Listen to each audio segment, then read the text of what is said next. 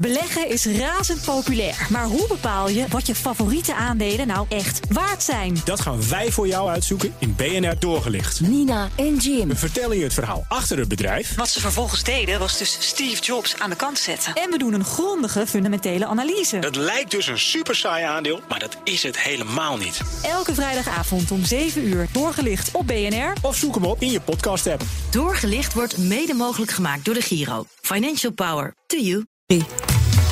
Factgoeroes.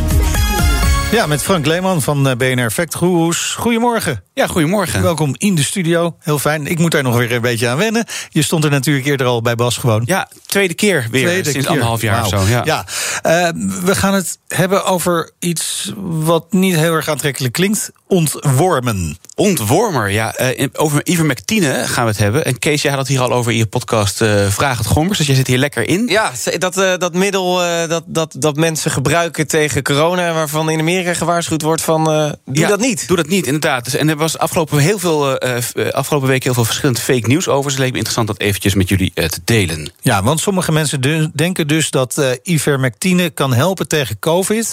Wa- wa- wa- Wat is de gedachte daarachter? Nou ja, ivermectine is een anta- antiparasitair geneesmiddel. Het is werkzaam tegen de meeste darmwormen, mijten en luizen. Bij dieren wordt het gebruikt als ontluizer of als ontwormer. Bij mensen wordt het ook tegen wormen gebruikt... en al sinds eind jaren 70 tegen rivierblindheid. Een blindheid die wordt veroorzaakt door een infectie eh, met een bepaalde worm. Wordt normaal gesproken 200.000 keer per jaar voorgeschreven in de US...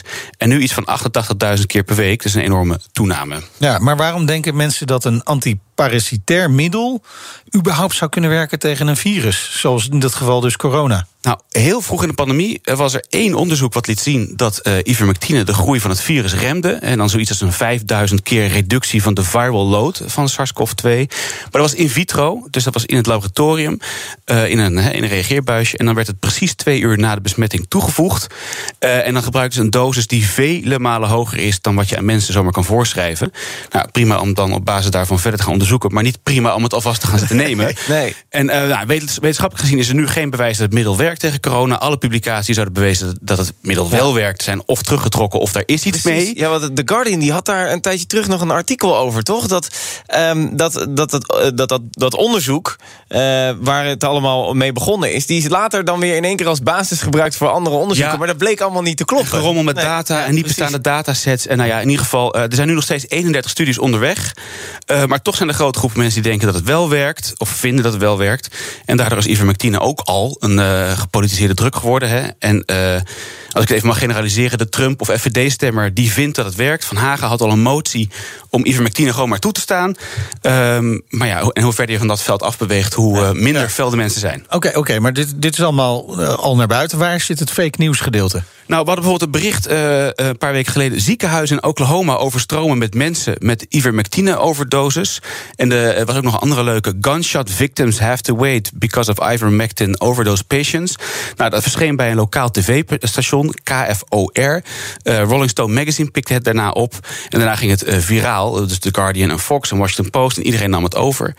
Maar dat was op basis van één bron. Een dokter McKellia. En het hele bericht is op basis van een misverstand, bleek later.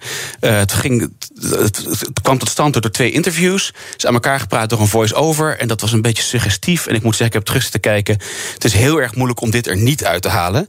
Ehm, maar goed, inmiddels dat hele internet overgenomen. Eh, dus het goede nieuws in ieder geval dat mensen die waren neergeschoten...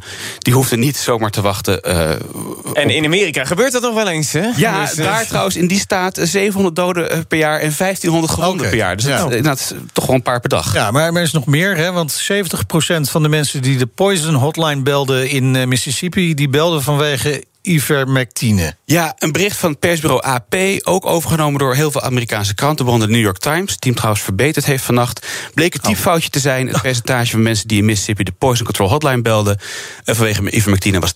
en maar niet hoe kan je dat 70%. type? Ja, nou, Dus omdat de twee zit helemaal niet eens na de. Omdat 70% van die 2%, dat ging om mensen die dan eens een keer de dierontwormen versie hadden genomen. Ah, oké. Ja.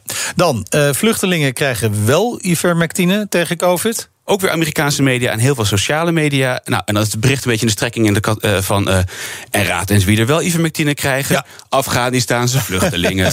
nou, er zijn factcheckers opgesprongen van USA Today en Reuters. Oh. En inderdaad, ze krijgen ivermectine, maar raad eens waarom. Ja, tegen wormen natuurlijk. Precies. Oh, ja.